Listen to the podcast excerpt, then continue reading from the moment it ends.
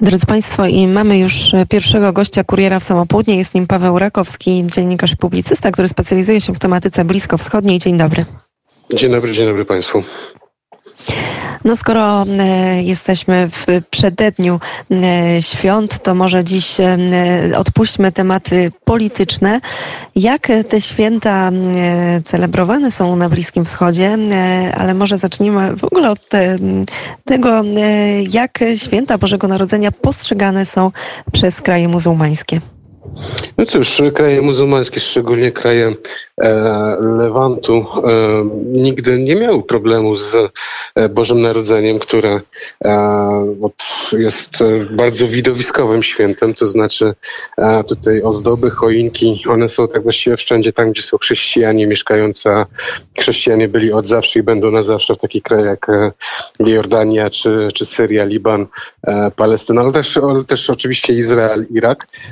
Tutaj tutaj nigdy władze państwowe nie, nie tworzyły jakichś mm, prześladowań, czy też, czy też nie miały problemów e, z tą zewnętrzną celebracją Bożego Narodzenia. Tak, tak samo też i ludność muzułmańska e, w dużej mierze, e, która koegzystowała, która koegzystuje z chrześcijanami, e, też nie, nie, nie, widziała problemu w Bożym Narodzeniu. Przypominam, że islam praktycznie no, niemalże tak samo uważa, że to samo co, co chrześcijanie, jeśli chodzi o kwestię narodzenia Chrystusa, że też Chrystus narodził się z niepokalanej dziewicy.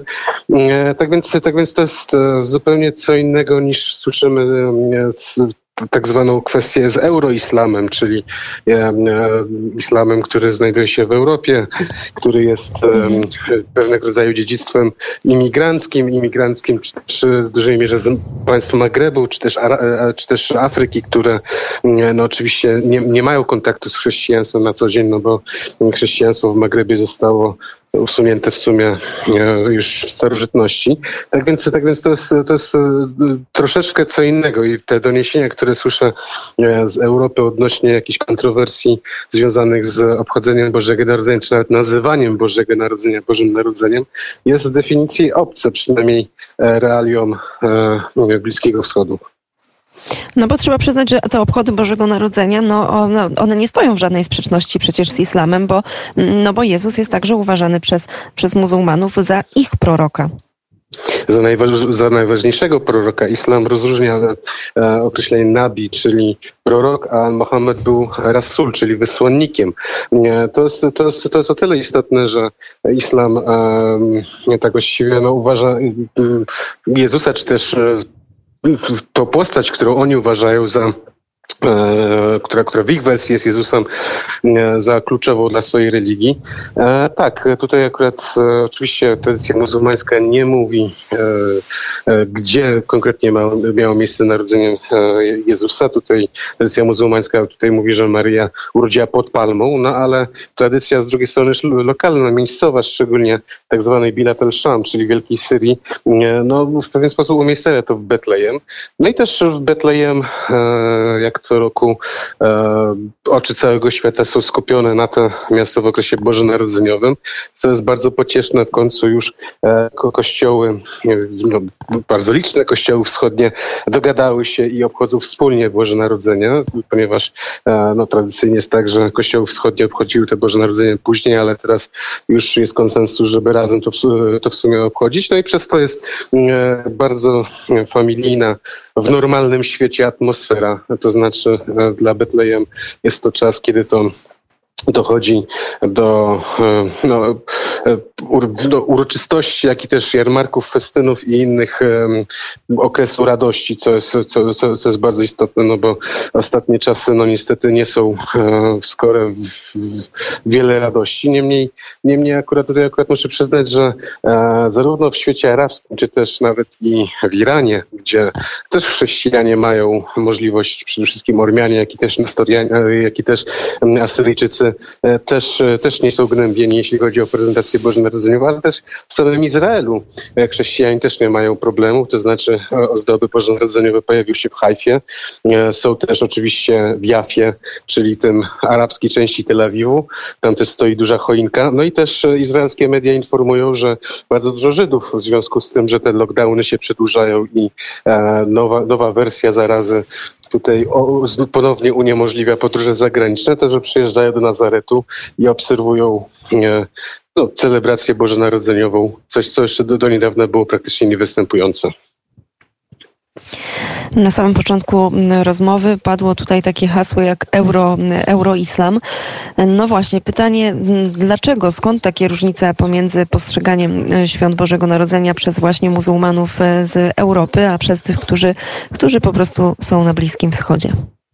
Znaczy, z jednej strony to oczywiście trzeba wziąć pod uwagę to, że to jest e, e Magreb, czy też bardziej Algeria e, i w kontekście francuskim to ma dość dużo, za, do, dość dużą zaszłość historyczną i dość dużą dozę wrogości w tym i chrześcijaństwo może być kojarzone z jakimś projektem e, francuskiej dominacji onki w przeszłości. Natomiast, e, natomiast tak, no, islam jest e, z reguły bardzo tradycyjny i bardzo różnorodny. Tak? Jest, są inne tradycje w różnych, w różnych częściach świata islamu i, i w Europie najprawdopodobniej, to jest zdaniem niektórych orientalistów, jak i też socjologów, jeszcze nie wykształciły się określone tradycje i określone wzorce, jak ta społeczność ma e, pewne rzeczy postrzegać. Ja tutaj wspominałem o różnicach pomiędzy chociażby Syrią czy też Libanem, a e, państwami Magrebu. No identycznie jest e, w Europie, gdzie e, te wspólnoty muzułmańskie są dość mocno, e, no jeszcze mocno zakorzenione w swoich tradycjach z dawnego świata, ale jeszcze też już przyciągnięte jakimiś zewnętrznymi wpływami e, z, nowej rzeczywistości. To jest, to jest cały proces, który e, no, jest bardzo długotrwały. No i też jeszcze trzeba wspomnieć inną rzecz. E, bardzo duża część meczetów, czy to w Europie, czy też w Wielkiej Brytanii, no jest jednak sponsorowana przez, przez wahabitów, które to dość nietolerancyjnie odnoszą się do no, oznak, do symbolicznej oznaki religijności, tak? To znaczy wahabici